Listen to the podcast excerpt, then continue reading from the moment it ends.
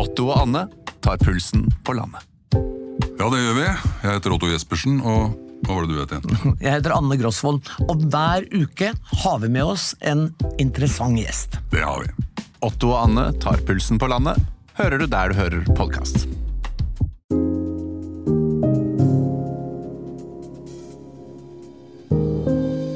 Fredrik og Kadafi, en podkast fra TV 2. Velkommen til Fredrik og Kadafi. Her i studio sitter Fredrik Resvik. Og Kadafi Saman han er, slik det har vært de siste par gangene, et helt annet sted. Hvor er du nå, Kadafi? Vet du hva, beklager, det har vært mye farting. Jeg var på opptak, eh, og nå har jeg vært på Gullruten i Bergen. Ja, og du, gratulerer, for det har jo gått aldeles bra. Ja, eh, Norge bak fasaden, programmet vårt, vant Gullruten for beste nyhet- og aktualitetsprogram. Så det var ah, ja, det var kjempestas. Nå er jeg skikkelig stolt av deg. Og så er Det jo sånn at det, det er jo ikke første gang at du og Janne, Janne Amble, som er eh, programledere, dere vant jo for beste programleder eh, under pandemien, husker jeg, når det ikke var publikum til stede i salen. Det er vel to, to år siden, er det ikke det? Det stemmer. Ja, altså Dette er jo et program som da åpenbart ikke bare juryen mener eh, går rett hjem, men eh, også seerne. Hva er det du tror eh, som gjør at eh, de historiene dere forteller i det programmet, fenger, eh, fenger seerne? Nei, jeg tenker at det er altså Konseptet er jo at vi skal være folkelige, vi skal være på nedpå. Eh, og vi skal være veldig nysgjerrig, altså gå inn i temaet med et åpent blikk og sinn. Så det er ikke noe sånn veldig fast premiss eller spiss vinkling. Og det tror jeg nok at, at vi har en sånn reise i programmene, om det er et program om kreft, om det er mobbing, rasisme. Det er jo veldig bredde i disse temaene våre. Men at vi går inn uh, uten egentlig å vite så mye. Det er også den metode vi har brukt aktivt. at Researcherne de uh, finner ut av ting, og så sender de oss ut på opptak med egentlig blanke ark. Og Det gjør jo at akkurat som seeren, så, uh, så vet vi like lite. Så kanskje det fenger. Og så tenker jeg jo at um, Så du lærer underveis, da? ikke sant? vi lærer underveis, og vi endrer mening underveis. og Jeg husker vi hadde en episode om barnevernet, hvor jeg kanskje hadde en del tanker og ja, kanskje fordommer, egentlig. Eh, Og så går man inn i temaet, møter folk som virkelig kan dette, jobber med det, eller, eller som har vært i barnevernet. Og så kommer man ut med et litt mer nyansert bilde. Så, sånn sett så kan man jo si at eh, denne Gullruten er mer stas, for her blir jo hele redaksjonen hedra. Ikke sant? Jeg og Janne fronter det på TV, men det er jo researchere, det er regissører, produsenter, klippere, fotografer. Det er jo masse folk i sving her som ikke synes på TV. Og det var det som var stas da ikke sant? når vi fikk Gullruten, for dette, dette gikk til hele gjengen, og ikke bare meg og Janne. Gratulerer igjen, Kadafi, og til alle de andre som har vært med på å lage programmet. Men du, hvis ikke du snart kommer tilbake til meg, så er jeg nødt til å bytte navn på den posten. Vet du hva, jeg lover. Du er tilbake neste uke. Ja, fordi det er litt mer farting. Det er faktisk opptak til bak fasaden, men neste uke er jeg back. Det du går glipp av nå, det er eh, møtet med journalisten som aldri ga seg når det gjaldt Baneheia og Birgitte Tengs-sakene, Bjørn Olav Jahr. Og så skal vi snakke med våre korrespondenter i Tyrkia og USA. Du får ha det bra, da. Du, like måte. Du får hilse dem. Kollega Mariell Meldingen, du sitter rett ved Bosporus-stredet i eh, Istanbul. Er du på den asiatiske eller europeiske siden? Akkurat nå så sitter jeg på den europeiske siden og ser over til den eh, asiatiske siden her i Istanbul. Ja, Du er der for å dekke da valget i Tyrkia. Nå har det vært én valgrunde. Hvordan ble resultatet når vi beholder oss til presidentvalget? Ja, Det gikk litt annerledes enn hva mange trodde, i hvert fall med tanke på hvordan det så ut på meningsmålingene i eh, forkant. For eh, de viste at det var utfordrer eh, Kemal Kilicdaroglu som lå best an. Han lå vaket rundt den 50 %-grensen som kandidatene måtte over da, for å eh, kunne klare å ta seieren i havn eh, i én eh, runde. Men så endte det helt motsatt. Det ble, endte med at det var Erdogan som fikk eh, flest stemmer, og Kilicdaroglu eh, litt eh, eh, bak. Eh, så sånn som det ser ut nå, så er det ingen av de som klarte å komme seg over eh, 50 %-grensen. Det går mot en eh, ny valgomgang om eh, to uker. Og Det var altså da Erdogan som klarte å få flest stemmer. Og opposisjonen de er ganske skuffet, for de eh, så på dette valget som eh, eh, den første muligheten de har hatt egentlig til å kunne eh, felle Erdogan. Eh, nå ser det egentlig ganske mørkt ut, for eh, med tanke på at Erdogan da fikk flest stemmer i denne omgangen, han sikrer seg òg fortsatt majoritet i parlamentet, så har han på en måte overtaket da, det man går inn i ganske intense uker fremover nå når de skal mobilisere før 28. mai. Han har jo i realiteten styrt uh, Tyrkia over 20 år da, som statsminister først, og senere som president. Og så har han tilpasset valglovene slik at han skal ha større sjanse for å vinne. Men hvis det nå skulle være slik at uh, denne første valgomgangen gjør at opposisjonen og da Kilicdarog uh, klarer å mobilisere velgerne sine i langt større grad og vinne, tror du Erdogan vil akseptere et mulig tap? Han har sagt at han eh, skal eh, gjøre det, og han har eh, vært ute og kalt påstanden om at, at, han ikke ville gjøre det helt latterlige. Han har sagt at han kom til makten på demokratisk vis, og han vil gi fra seg makten på demokratisk vis om han skulle tape. Men han kom jo til makten som du sa her, for 20 år siden. Tyrkia så nokså annerledes ut eh, den gang. Og så har han da gjennom presidentperioden sin, og da særlig de siste ti årene, tatt uh, Tyrkia i en veldig mye mer autoritær retning. Eh, valgsystemet er rigget, valglovene er laget for at han egentlig skal eh, vinne. Han har full kontroll så godt som over mediene her eh, i landet. Så det meste taler for at han skal gjøre det bra i valg. Man sier det om valget i Tyrkia at de er frie, men de er ikke rettferdige. Og de er frie fordi at man Eh, man hadde jo noen utfordrere som faktisk hadde en reell mulighet eh, til, til å, å, vinne i dette valget. Eh, valget er jo på ingen måte avgjort eh, ennå, men det var da altså eh, mot det veldig mange trodde Erdogan som likevel fikk flest stemmer i valget i går. Vestlige demokratier har jo et uh, uttrykt ønske om at man skulle få regi en regimeendring i Tyrkia. Uh, for å endre forholdet som er mellom Tyrkia og Russland, og Tyrkia, og USA og Nato. Er det mange som kommer til å bli skuffet nå? Hvis Erdogan da blir sittende? Eh, jeg hørte du hadde problemer med å si navnet til utfordreren her, så det er kanskje en del eh, som er lettet over at eh, de må og sitte og på det. Jeg har, jeg har øvd meg mye på artikkelen til rolle og fortsatt blir rettet på av tyrkere her. Men det som du sier, jeg tror nok de fleste vestlige lederne hadde håpet på et uh, maktskifte her for å få uh, en litt mer forutsigbar uh, utenrikspolitikk i Tyrkia. Erdogan har jo ofte brukt utenrikspolitikken til å tøffe seg, for å si det på den måten. Han bruker veldig mye utenrikspolitikk på å, å posisjonere seg innenrikspolitisk, som vi f.eks. så Eh, med, med, Sverige og Finlands eh, Nato-søknader. Der Nato jo var ute og sa at eh, de hadde fått klarsignal fra alle sine medlemsland til at Sverige skulle inn i Nato. Og så boom kommer eh, Erdogan da og sier eh, nei, det vil ikke han gå med på likevel. ikke sant? Eh, så jeg tror nok de tror, tenker at det skal bli lettere å forholde seg til Tyrkia dersom Kilistarolo skulle ta seieren i andre valgomgang. Men så ligger jo, sant, som du er inne på, jeg sitter her med Bosporus-stredet, sitter akkurat i krysningspunktet mellom Europa og, og Østen her. Tyrkia har jo en helt eh, unik posisjon regionalt, eh, men òg eh, på forholdet mellom Europa og ikke minst Russland. ikke sant? Og det er ikke sånn at man nødvendigvis vil få et helt, sånn, en, et helt nytt Tyrkia å forholde seg til, selv om Kilistarolo skulle komme til makten. De vil fortsatt pleie forholdet sitt til Russland, og Kilistarolo har sagt at han vil opprettholde en balansert dialog, da, som han kaller det, med Putin og Moskva. Ja, Så kan det være at Sverige slipper inn, selv om Erdogan blir uh, sittende som uh, president. fordi uh, nå har han jo i hvert fall vist velgerne denne, under dette valget at han står opp mot de som støtter kurderne, som han mener at Sverige gjør. Tusen takk skal du ha, Mariel Mellengen, for at du var med oss. Takk, takk. Torsdag ble reglene endret for grensepasseringen inn til USA. Etter over tre år med svært strenge koronarestriksjoner kunne man igjen passere fra Mexico. Kollega Øystein Bogen, du har vært i grenseområdet. Det var fryktet at en bølge av immigranter ville krysse, både med og uten tillatelser i orden. Hva skjedde?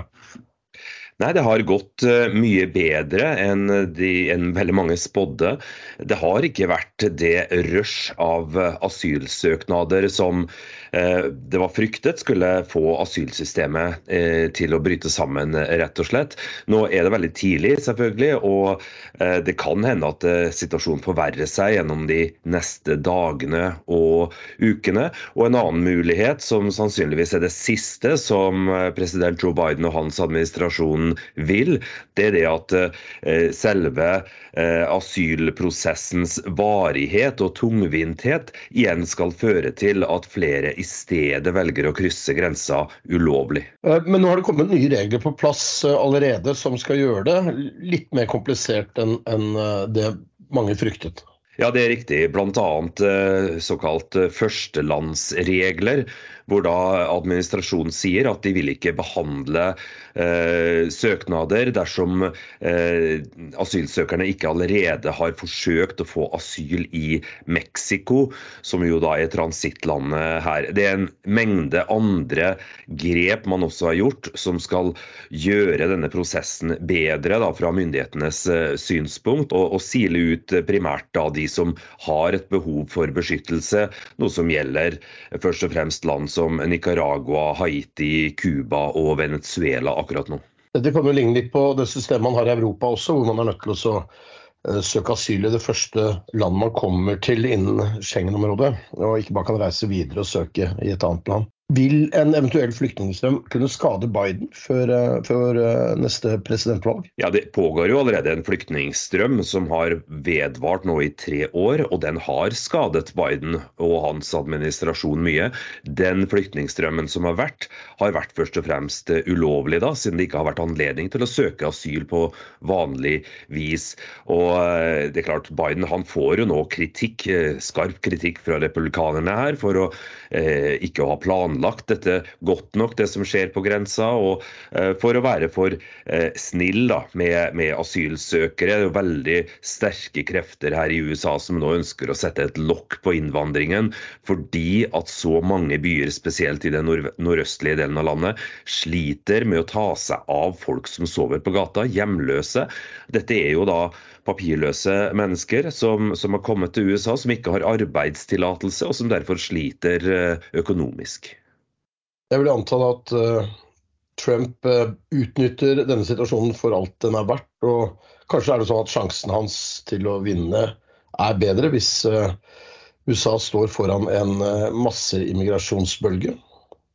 Ja, absolutt. Vi hørte jo Trump her tidligere i uka delta på et folkemøte direktesendt på CNN, hvor han ble spurt om dette, og hvor Trumps spådommer var at man vil få 15 millioner eh, migranter inn i USA i dette året.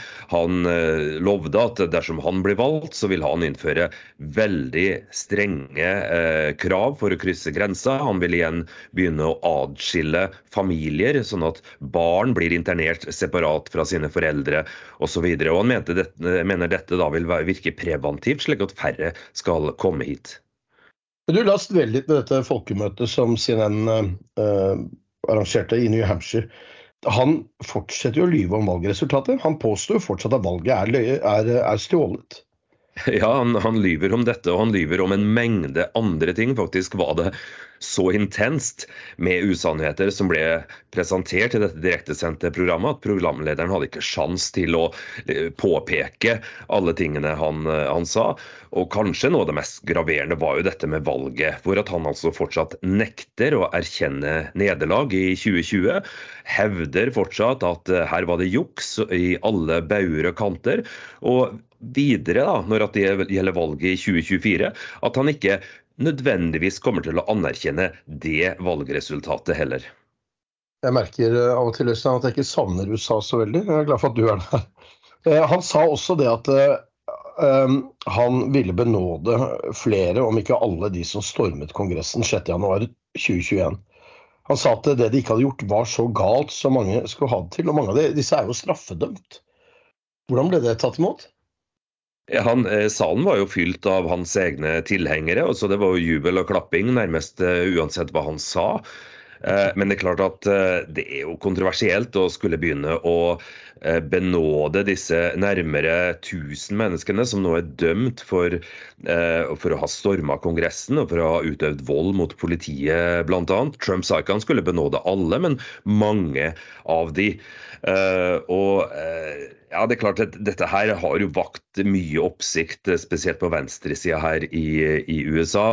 Og også en del uttalelser han kom med når det gjaldt den ene demonstranten som da ble skutt da hun forsøkte å ta seg inn i en seksjon av Kongressen der hun kunne komme i direkte kontakt med, med de folkevalgte. Eh, hun ble altså skutt av en, en, farget politimann. og Trump han sa på TV at, dette her, at eh, den, den som da skjøt her, han var en bølle. Så mengde ting her som, som har gjort at eh, Trump har vist sitt sanne ansikt enda en gang. Mange hadde kanskje trodd at han skulle ha blitt mer fornuftig, besinne seg på en del ting. Men Trump er akkurat like ekstrem som han var eh, tidligere. Og eh, dette tror jeg er en gavepakke til Biden nå når valget nærmer seg. Eh, helt til slutt, Øystein. Eh, han påstår jo også at det ikke ville vært krig i Ukraina om han hadde vært president i USA eh, nå, altså i løpet av de siste årene. da. Og han mener at han også kan stanse denne krigen i Ukraina på, på 24, i løpet av 24 timer hvis han skulle bli valgt som president igjen. Eh, hans forhold til Vladimir Putin har vært pussig hele veien. Ikke minst hvis vi ser tilbake på pressekonferansen han hadde etter sitt første møte med Putin i, i Helsinki. Eh, det virker jo som Putin har tak på ham på en eller annen rar måte. Har han det? Ja, Det er jo en av de store gåtene når det gjelder eh, Trump og Putin. Hva slags forhold har de egentlig? Og Man blir jo nesten fristet igjen til å spekulere i om, om Putin har noe på Trump som gjør at han da får støtte, eh, sånn som han gjorde i denne debatten, hvor, hvor altså eh, Trump også nektet å si at at, at, at, Ukraina burde gå seirende ut av, av denne krigen. Så dette her er, er ganske interessant fenomen, rett og slett. At disse to eh, lederne er tilsynelatende bestekompiser. Og ifølge Trump så er han interessert i å sette seg ned og snakke med Putin igjen dersom han blir valgt. Ja, vi har jo sett tidligere at, eh, at uh, Trump har sagt at han stoler mer på Vladimir Putin enn sine egne etterretningstjenester når han var president. Det forholdet er vi, vi, trenger ikke spekulere, Øystein, men vi kan jo bare sitere andre som har sitert. Det ene er jo at det skal foreligge en eller annen form for uh, pornografisk uh, filmopptak av Donald Trump og noen prostituerte i Moskva. Uh, og det andre man har spekulert og at Putin bruker dette som, som en pressmiddel overfor for Trump. det andre man spekulerer i, om det rett og slett foreligger noen lånetransaksjoner eller pengetransaksjoner mellom Trump og noen som Putin har oversikt over.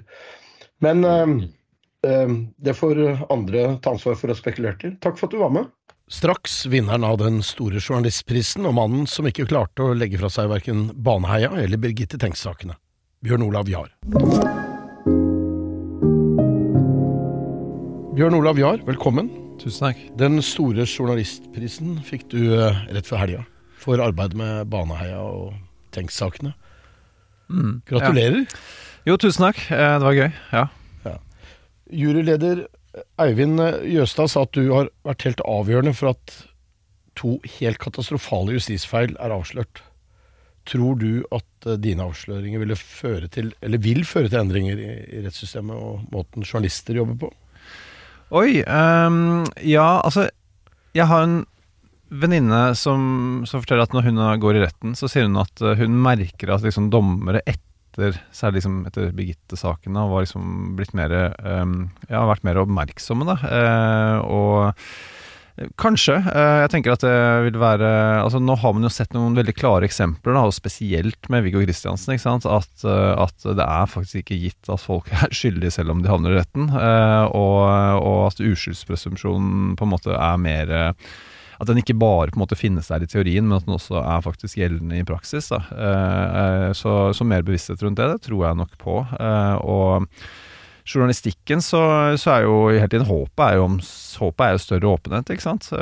Som, som, jo vil være bra. Så ja, jeg håper og tror at de sakene jeg har jobbet med gjør en forskjell der. Da. Ja, Men det kan endre journalistikken, eller journalistenes måte å tenke på også, kanskje? Eh, ja, jeg tenker, at, eh, jeg tenker at det jeg har gjort i de sakene, er jo at jeg har, eh, har vist meg å være kritisk i tilstrekkelig grad til også til rettsvesenet. For der tenker jeg jo at norske journalister har vært for servile eh, over mange år. da, Eh, At man har rett og slett bare tenkt på at det som er i retten, det, det er liksom, det er to streker under svaret, og så, og så går vi videre. Men handler ikke det litt om at de, de fleste dommer sannsynligvis er riktige?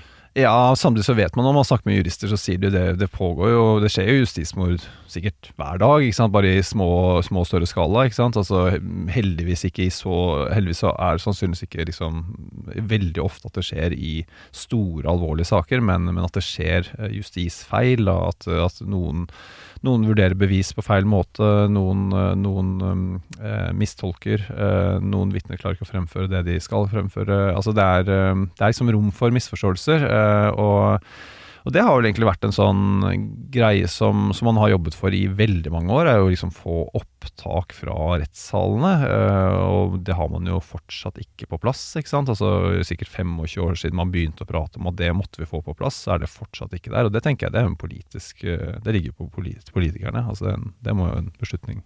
Var det. Baneheia-saken eller eh, Birgitte Tengs-saken du starta å jobbe med? Eh, Det var Birgitte-saken jeg begynte å jobbe med, og som på en måte har vært liksom den, for meg liksom den store hjertesaken. Da, fordi Den begynte jeg å jobbe med i 2000, ja, 2003. Så, så så jeg da Asbjørn Rachlew holde et foredrag, eh, som er da Norges fremste på avhørsmetoder. og Han holdt et foredrag om hvor tilståelsesorientert man i politiet hadde vært. Da. Og jeg syns det var veldig lett å kjenne seg igjen i journalistikken også, hvor man har en sånn, gjør seg opp en klar formening om noe, så gjør man alt hva man kan for å bygge opp under den hypotesen. Eh, og han sier liksom det verste av alt, ikke sant? du kan resultere i falske tilståelser. Og det var liksom det som interesserte meg. Ikke sant? Er det mulig å tilstå et drap du ikke har begått? Er det mulig å tilstå et drap du ikke husker å ha begått? Ja, eh, har jo da vært veldig kritisk til eh, egen etats eh, Ja. måte å gjennomføre avhør på. Mm. Og, og, og bruker jo eksempler i begge disse sakene på når han holder foredrag om Mm. avhørsmetodene til politiet, om, om Ja. hvor galt det kan bære. Og spesielt i Birgitte-saken så har han jo tatt fram fetterens samtale med politiet, hvor, altså, Ja. hvor politiet gjorde ham til en eh, venn, nærmest. Altså Han følte vel at det var Ja.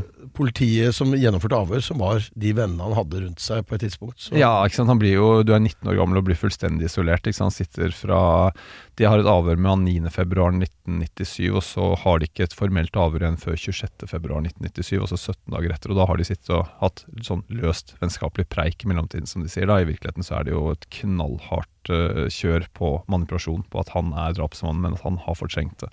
Og at de skal hjelpe han med å huske det. Så det er hjerteskjærende. og og veldig alvorlig, og, og fikk jo også store konsekvenser, og har jo ført til at avhørsmetoden har blitt endret. da. Men, men man ser jo også i Baneheia-saken, så, så pågår det jo ikke på samme måte, ikke sant? for der er jo Jan Helge Andersen mye mer bevisst, ikke sant? men han også blir jo fremlagt en politiets egen teori om at de tror at også han er et slags offer i saken. da. Så de, de, de manipulerer jo egentlig avhøret der også, da, og ja, man vet jo aldri hva Jan Helge Andersen ville sagt om han ikke fikk den redningsplanken servert av politiet. Det å gi seg kast med Baneheia-saken, gå inn i alle de grufulle detaljene som, som ligger i den saken, hvordan har det vært som eh, journalist? Mm, det har vært øh, jeg, jeg, jeg spurte en tidligere Kripos-etterforsker om det var noe gærent med meg da jeg jobbet med Birgitte-saken, fordi jeg kunne sitte og se på obduksjonsbilder av Birgitte for å på en måte sånn Hva slags skader er det hun har? eh, Hvordan kan de ha kommet til? Og så, og så ser jeg på det med et analytisk blikk. Jeg har da på det tidspunktet selv en, en datter som er like gammel. Uh, og, og da sa jeg sånn, er det noe gærent med meg, som kan liksom sitte og se på det og analysere det liksom veldig kaldt. Og da sa han at det er jo helt nødvendig, hvis ikke så kan du ikke gjøre jobben. Uh, og det tenker jeg er litt sånn overførbart til Baneheia også. Da jeg begynte å jobbe med den saken her, så ja, det er grusomt at det er to små jenter som er drept, men eh, det er jo også forferdelig hvis det sitter en uskyldig mann i fengsel, uh, for, beskyldt for å ha, eller dømt for å ha begått de drapene, da. Eh, så, så da er det, det er liksom hele veien for meg så, det, så har jeg alltid tenkt sånn Jeg må minne meg på at det er ikke det er ikke mine barn som er drept, eh, det er ikke min eh, sønn som er utsatt for manipulerende avhør, det er ikke min bror som sitter i fengsel osv. Så videre, sånn at jeg på en måte helt har den distansen. da. Men jeg har jo vært opptatt av å jeg vil jo gjerne møte alle menneskene som er berørt av dette her med mest mulig empati og forståelse og sånne ting, men jeg må på en måte selv på en måte holde mine følelser unna da. Det tenker jeg er viktig, da. Sånn at jeg hele tiden er opptatt av fakta, da, og ikke følelser, for egen del. Når, når det gjelder Baneheia igjen, når var det du forsto, eh, eller tenkte at her er det noe som er helt galt? Vet du hva, det, det høres utrolig arrogant ut å si, men Baneheia-saken er veldig enkel. Eh, og det, jeg tror at jeg skjønte det veldig raskt, fordi, eh, fordi jeg så på mobilbeviset eh, Viggo Kristiansen. Altså han har betydelig mobiltrafikk som viser at han ikke kan ha vært på åstedet, i hvert fall ikke telefonen hans. da. Eh, og jeg har ikke noe teknisk kompetanse og noe peiling på det, men jeg stoler jo på sakkyndige som, som sier at eh, vi får ikke kontakt med den basestasjonen Viggo Kristiansen har trafikk gjennom, eh, og det skjer på samme tid som drapene og voldtektene foregår i det Baneheia. Eh, Så tenker jeg sånn, wow, for et utrolig godt bevis. I alle andre saker så ville jo folk, vært- sjekket ut på det beviset, men ikke her. Og hvorfor ikke det? ikke sant? Er det fordi og Da tenker jeg svaret er fordi det er to små jenter som er drept. Eh, Det husker jeg Da jeg begynte å jobbe med saken, så var folk sånn åh, jeg orker ikke å prate om det, liksom. Og så kan vi prate om noe annet. Det var, det var altså hele folket, og i hvert fall de som bor i Kristiansand-området og området rundt dette, ville jo på en måte bare være, føle seg trygge, vite at gjerningsmannen eller gjerningsmennene var Ja, man ville det. Og, og, og der er det sånn, og der tenker jeg sånn sant, Hvis man hadde si at det var to godt voksne menn fra rusmiljøet som var funnet drept oppe i Baneheia, da, og så arresterer man to unge gutter, og så viser det seg at den ene av dem har mobiltrafikk som viser at han har vært et helt annet sted mens ugjerningene fant sted. Det ville ikke gått veldig lang tid før han var frifunnet, eller før han var, ikke var fengslet lenger da, og ikke ble involvert i saken. Men i og med at det var to små jenter, så er det sånn eh, Så, så tror jeg bare rullegardinen gikk ned, altså. Eh, altså bare var man så opptatt av å få svar. Og så var da Jan Helge Andersen var den som ga svarene. Han ble på en måte den ærlige drapsmannen, eller den, den gode gjerningsmannen, den som fortalte oss sannheten. ikke sant? Lettelse var det alle følte og sånne ting. ikke sant? Og da var på en måte Viggo Kristiansen ganske sjanseløs. Og der bidrar jo mediene veldig sterkt også, ikke sant? med identifisering dag én, ikke sant? med stort bilde på, i VG hvor det står 'tatt', ikke sant? med et fælt bilde av Viggo Kristiansen. og og når det senere kommer, dukker opp DNA-funn som, som egentlig er helt sånn altså Som har vist seg å være ubetydeligheter, da, som ikke har noen, noen relevans. Så blir, det, så blir det slått stort opp i VG at man har eh, bevis som med 100 sikkerhet eh, knytter Viggo Kristiansen til åstedet og handlingene. Og det er klart at han har ikke hatt sjans. Du har gått inn i begge disse sakene uh, med full tyngde, skrevet bøker om det, to bøker om Baneheia-saken. Det, det har tatt mye tid av eh, livet ditt, dette. Ja. Det har det. Ja, men, det, men, det, men det har vært veldig fine, fine år av mitt liv. Liksom. Altså, jeg, jeg har jo tenkt på sånn Da jeg jobbet med Birgitte-saken, så var det nesten så jeg kunne klype med armen og tenke sånn Herregud, så heldig jeg er, liksom. Dette er det mest fantastiske jeg kan jobbe med, liksom. Jeg syns det er liksom så ekstremt spennende. Eh, Det er så mye Altså, jeg liker veldig godt å, å lese om følelsene. Jeg liker veldig godt å, å på en måte dykke inn i materie. Hva er det som gjør sitt at liksom alle blir sikre på noe? Hvorfor, hvorfor, hvorfor stritter noen imot? Og, eh, jeg i det hele tatt eh, bare for alle dokumentene, da, det puslespillet det er og sånt, jeg, synes, jeg, føler, jeg har liksom følt meg veldig privilegert som har kunnet jobbe med det.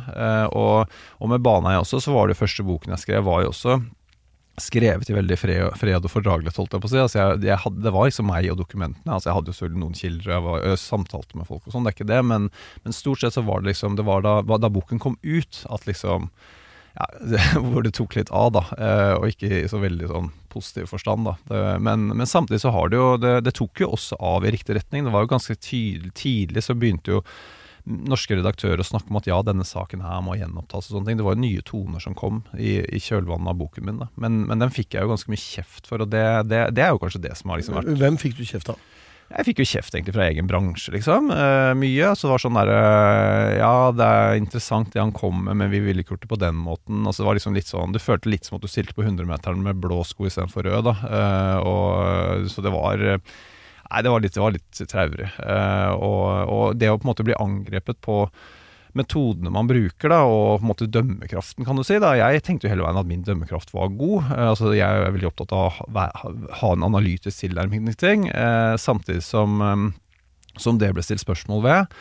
Eh, og jeg opplevde at veldig mange av de som argumenterte mot meg, egentlig ikke var opptatt av å sette seg inn i saken, men på en måte bare henviste til at denne saken har vært eh, Han har vært dømt to ganger før, og den har vært eh, avslått fire ganger i Gjenopptakelseskommisjonen. Liksom, ferdig med det. Var det en fordel for deg å ikke være en del av en stor redaksjon, men jobbe aleine? Ja, det tenker jeg var en fordel. Eh, det gjorde det jo veldig mye enklere. Så det var sånn, Jeg hadde jo hele tiden Jeg hadde jo liksom mine altså Forlaget mitt og Gyllendal eh, på Birgitte-boken og Pitch forlag på Baneheia-bøkene har vært veldig veldig støttende og fine. Og har jo på en måte fått liksom litt motstand og, og sånn, det er ikke det. men men først, først og fremst så har de på en måte stolt på at ja, vi stoler på din dømmekraft, vi stoler på din vurdering av dette her. Eh, og, og det er klart man må ha en juridisk kompetanse, man må, man må um, kvalitetssikre. Eh, men jeg har jo unngått på en måte sånne litt sånn at en skal først gjennom en vaktsjef, og så gjennom en redaksjonssjef, og så gjennom eh, et styre, og så, osv. osv. Altså, det, har vært, det har ikke vært veldig mange kokker, og det har det er ikke så mange kolleger som dytter i samme retning heller. Sant? Nei, Som det ofte er i en eh, større redaksjon, så vil det jo Ja. være det at man, man, er liksom, man føler at man er på rett spor sammen, og så Ja. er det vanskelig å trå til siden og gå andre veien. Det er det. det, er det. Og, og, ja, og det er sånn, og, hele veien så har jeg jo tenkt liksom Ok, er det, gjør jeg noe feil her? Altså Jeg beskylder andre for å gå i bekreftelsesfeller. Er det noe jeg gjør galt her? Men samtidig så har jeg også tenkt hele veien at dersom det skulle vise seg at noen av de jeg hevder er uskyldige, viser seg at de likevel skal være skyldige, så er ikke det det er, liksom, det, er, det er tross alt mye mindre ille enn det motsatte. Da. Altså Hvis man hele tiden peker på en uskyldig og sier at vedkommende er skyldig, og gjør alt man kan for å underbygge det. Da. Um, Hvordan er det å se resultatene av arbeidet ditt, og se at disse sakene kommer opp igjen, og vite at du har bidratt til det? Ja, det er jo kjempegøy. Uh, det, det har vært det aller største. Uh, altså, den dagen da Birgittes fetter fikk sin erstatningsdom opphevet, som jo han, har, han har jo urettmessig, sant, svært ufortjent hatt et stempel på seg som mulig gjerningsmann, eh, helt fra han ble frifunnet strafferettslig i 1998 til, eh, til eh, november 2022, da denne erstatningssaken ble opphevet det var et utrolig stort. eh, og det, det gledet meg veldig. Og det, liksom, det var det store målet mitt da jeg begynte å jobbe med Birgitte-boken. var jo At jeg var jo sikker på hans uskyld. Og jeg tenker at det er liksom helt for jævlig, eh, for å bruke et litt fælt uttrykk, at, at, noen, at noen uskyldige skal være beskyldt for eller ha det stempelet over seg. Eh, og tilsvarende også da Viggo ble, ble frifunnet eh, i retten, det var jo veldig stort, desember 2022, mens enda større var det kanskje da Riksadvokaten la frem sin innstilling på frifinnelse eh, oktober 2022, hvor han eh, hvor han ikke bare liksom øh, innstiller på frifinnelse, men også går veldig langt i å forklare hvorfor Viggo Kristiansen er helt renvasket. Uh, så det var veldig fint. Uh, jeg at det, Og det refererer jeg alltid til som en, som en veldig fin dag for rettsstaten. Da. Så det var, veldig, det var fint å se, liksom. Uh, så har det jo vært noen mørke dager før det, men, men akkurat den dagen var fin. Jeg syns Riksadvokaten hadde en veldig fin redegjørelse. Det er jo slik at vi journalister, mange av oss har lyst til å bidra til å endre verden på en eller annen måte. Du har klart det. Det er veldig få av oss som faktisk får det til. Det er mulig vi skyver i litt riktig retning av og til. Ja. Eh, hvordan liv tror du fetteren til Birgitte Tengs kan leve? Vi vet jo at han har eh, søkt eksil, altså eh, så å si reist fra Norge, fordi han har hatt eh, hele tiden denne eh, sterke mistanken over seg om at eh, han, han sto bak eh, drapet. Mm. Hvordan liv tror du han kommer til å kunne leve nå?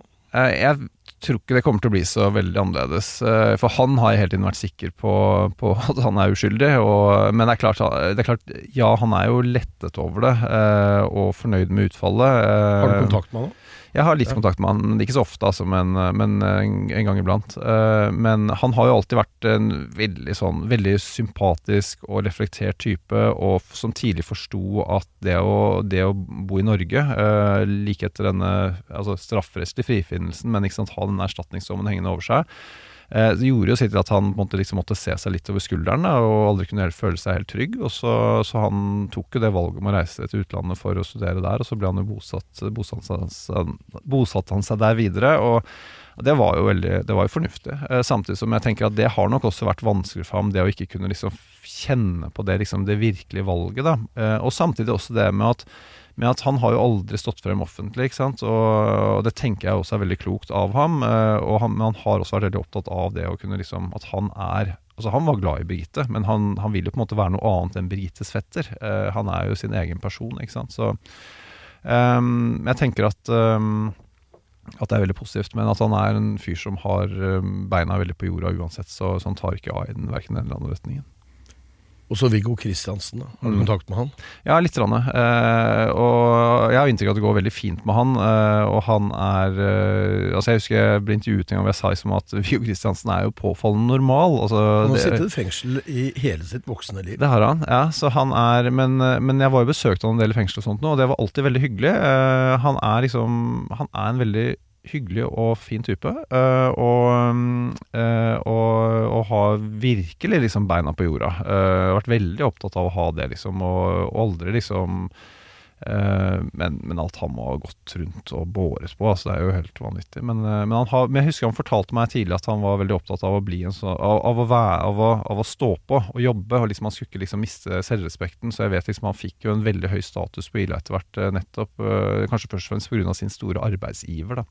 Eh, Det er kanskje uvanlig for eh, eh, innsatte som er dømt for slike forhold? Ja, det er klart. ikke sant? Jeg tenker at De innsatte ganske tidlig, og så var det ganske mange innsatte som, som forsto at han nok ikke var skyldig likevel. Og så har han jo så han opparbeidet seg jo mer med respekt underveis. Og så Både blant de innsatte først, etter hvert blant de ansatte. Og så, så kommer jo ledelse på Ila, der hang det jo litt etter, kan du si. da. Men det er klart sånn, det å sitte på forvaring, det å være uskyldig og sitte på forvaring, det er jo eh, et paradoks. ikke sant? Det er jo helt umulig. for det for det Viggo Kristiansen han var jo per definisjon ikke en person som angret, øh, og dermed heller ikke en person som viste forbedring, ikke sant? for han nektet jo hele veien for disse ugjerningene. og Dermed så, så lå han jo også kriminalomsorgen innstilte jo på fire nye år forvaring ikke sant? på en fyr som etter hvert oppfører seg svært bra og er en stor ressurs for fengselet, så, så er de på en måte ikke villige til å slippe ham ut. da. Så, Eh, så, så vi, han ville kanskje hatt større sjanse for å slippe ut fra forvaring hvis han hadde innrømmet eh, et drap han ikke hadde begått, eller en ugjerning han ikke hadde begått, og beklaget den? Ja, ja, og, og enda mer paradoksalt, han hadde enda større sjanse hvis han faktisk hadde begått drapene, eh, og så erkjente. Så han også vært ute tidligere. Eh, bare se på Jan Helge Andersen, hvor tidlig han var ute. Eh, så, så nei, altså rett og slett det at han ikke hadde gjort det, og ikke ville erkjenne det, det, liksom, det, det ble bare en veldig vanskelig ligning. Altså. Eh, Den gikk ikke opp. Eh, så han, og han var jo og han var veldig tidlig, så sa han jo det at han ville heller bli sittende resten av livet enn å erkjenne noe han ikke hadde gjort. Så han var jo liksom, han var ganske tøff på, det at liksom, her blir jeg sittende, altså. Men, men jeg tror kanskje ja, så, så gjenopptakelse var liksom det eneste som, som var liksom mulig da, å få til. Og, og det er jo Man kan jo liksom med litt sånn skrekk tenke seg til hva som hadde skjedd dersom eh, ikke nestlederen i kommisjonen var inhabil, f.eks. Altså, advokat Sigurd Klomsæt hadde saksøkt kommisjonen i 2011, og dermed så var og en av de som da var med som regjeringsadvok for regjeringsadvokaten, han var da senere nestleder i kommisjonen, og han måtte trekke seg. Så inn rykker det inn en vara, en høyesterettsadvokat, som, som er en av pådriverne for at Viggo Kristiansen skal få sin sak gjennomtatt. Og så blir det 3-2, ikke sant. Det kunne blitt 2-3. Eh, hva hadde man gjort da? Hva hadde norsk presse gjort da? Hadde man, for norsk presse var jo mest opptatt av mindretallet da, da, da eh, gjennomtakelsen kom også. Eh, det var jo helt påfallende. I alle andre sammenhenger så ville man vært veldig opptatt av flertallet, men det er vel akkurat som mindretallet var, var de som var egentlig de smarte, da. I begge disse sakene så er det nær familie som har mistet eh, barna sine. Mm. Eh, og som på en måte har kanskje slått seg litt til ro med at det er at dommene er riktige. Mm. Eh, og så blir de veltet helt om. Altså Først kommer du og, og sier at dette er feil, og så, så ender det med, med frifinnelser. Mm. Skjønner du at det er vanskelig for disse foreldrene å skulle tenke seg at virkeligheten er helt annerledes enn det de har sett for seg i, i mange år? Ja, det skjønner jeg veldig godt. Det må være veldig vanskelig. Du blir fortalt noe, og du har jo et og En ting er samfunnet har et veldig stort behov for svar. Man kan bare forestille seg hva de etterlatte har behov for. Altså det er klart de har behov for å, å ha, lande på noe, eh, og kanskje kanalisere alle de vonde følelsene sine et sted. Eh, det vet jeg jo ikke sant, har vært gjort f.eks. i retning av Viggo. Eh, og, og, det er vanskelig å snu og vanskelig å komme ut av det. Men det, det fins jo f.eks. i, ja, i Birgitte-saken så vet vi at Torgeir Tengs har jo hatt mange fine uttalelser etter hvert, han. sant, Som helt åpenbart har forstått at noe var ivruskende galt. Men det tok jo veldig lang tid, uh, og uten at han kan klandres for det. Uh, og de etterlatte i Baneheia også, så det hadde jo vært veldig fint om, om Ja, det er, det er, vel en av dem, faren til Lene, har vel gått ut og sagt uh, Hatt en del uttalelser som, som, jeg tenker som er veldig fine i retning av um, om det ikke er Altså, jeg, jeg mener jo aldri at liksom, de etterlatte må også kunne gå ut og beklage seg, men et eller annet om å anerkjenne Viggo som en uskyldig og frikjent mann, det hadde jo vært veldig fint, tenker jeg da. Og det tror jeg har vært fint for dem også. Eh, Det kan hende det kommer. det, jeg tenker også det. Man må, liksom, tiden, man må la tiden være til hjelp også, ja. Mm. I disse to sakene, har det vært tidspunkt hvor du har hatt lyst til å gi opp? Nei, aldri. du tenkt til å legge alt arbeidet fra deg? Nei, aldri. Det har vært, eh, det har vært sånn Birgitte har jo vært, eh, vært helt fantastisk å jobbe med hele veien. Og, og da jeg hadde gitt ut boken min, så er det jo en, en produsent som tar kontakt med meg, så begynner vi å jobbe med en TV-dokumentarserie hvor det er veldig mange som drar lasset sammen. Så, så der fikk jeg veldig kjenne på den lagfølelsen, da, som var veldig gøy når du jobber med en sak. Eh, Så det var fint. Og så den har vært, og den, den har jo på en måte aldri blitt møtt med veldig stor skepsis. ikke sant? Den har jo blitt, det har jo blitt møtt med forståelse for det arbeidet jeg har gjort. da. Mens Baneheia var det jo mye tyngre. eh, og, men der har det også liksom vært liksom Folk har kommet til underveis. og Det er, det er journalister som har gjort godt arbeid, kommentatorer som har støttet og backet. Og det er eh, ble laget en TV-dokumentarserie, har laget podkast. Liksom, det, det har vært flere som har kommet på etter hvert. da, eh, Så det er gøy å se det. Og men jeg har jo vært opptatt av f.eks. Å, å prøve å ikke liksom dominere feltet, da, eh, på en måte i for stor grad. Det er veldig fint at det kommer andre til, da. Eh, Så det, det har vært en fordel. Eh, Men det, nei, det har vært eh, Aldri tenkt på liksom at jeg skulle gi opp eh, de sakene, nei. hva er den neste saken du skal eh, rive fra hverandre? Eh, Nei, jeg vet ikke. jeg liksom, det er farlig å legge lista for høyt som å rive fra hverandre, og sånne ting, men det, det fins jo veldig mange spennende saker. da. Eh, Så, så jeg ser jo på, ser på flere. Um, Vi får jo inn veldig mange gode tips. Um, Så det er, um, det er Ja, det finnes jo noen år i norsk eh, politi og rettsvesen hvor ting ikke gikk helt på skinner, liksom. Så, så det, det finnes noen Ja, det finnes noen saker der ute. Takk for at du eh, inspirerer journalister, og gratulerer igjen med den store journalistprisen. Takk for at du kom til oss. Tusen takk. Takk også til kolleger Mariell Mellingen og Øystein Bogen. Her i studio Fredrik Resvik, teknisk ansvarlig Mikael Skorbakk, produsent Maja Gjertum, redaktør Karianne Solbrekke.